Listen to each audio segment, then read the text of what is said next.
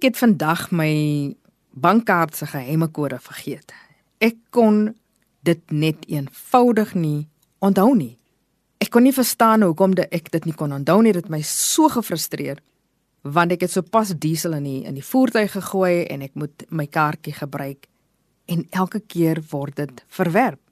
En ek het benoud geraak want ek weet nou nie hoe om te maak nie want dis al kaart tot my beskikking. En ek het gewoond geraak vir aanlyn bank. So al my transaksies het ek aanlyn gedoen en gewoonlik het ek nie nodig om nog 'n geheime kode te in te uh, pons wanneer ek uh, petrol of enigiets doen nie dit word sommer net gedoen.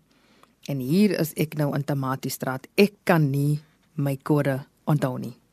Maar gelukkig het ek 'n dogter wat baie wakker is en ek het haar sommer 'n WhatsApp gestuur en gevra asseblief, "Wat is my geheime kode?" En sy het dit vir my gestuur en ek kon aangaan met die transaksie. En dit het my laat dink. Ons raak soms so gewoond vir 'n sekere manier van dinge doen en ons raak soms so gewoond vir ons vir ons lewensomstandighede dat ons die geheime kode van gebed en 'n verhouding met Christus vergeet. En dan is ons verlore en hulpeloos en gestrand soos wat ek was.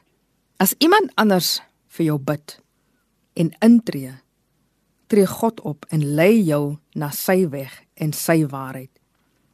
So nou, daar waar jy in jou stilligheid luister, wees jy vandag die een wat vir iemand anders optree en die geheime kode vir daai persoon kan wees.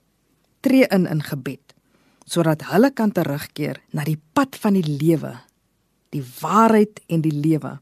Die geheime kode moenie so 'n geheim wees dat niemand weet wat in jou lewe aangaan nie. Want God weet tog, hy het net iemand anders nodig om daai kode te aktiveer sodat jy weer in lyn met sy woord kan wees. My gebed vandag is Here dat U vandag van my geliefdes wat die pad byster is, weer kan terugbring. Laat hulle terugkeer na Jesus Christus toe.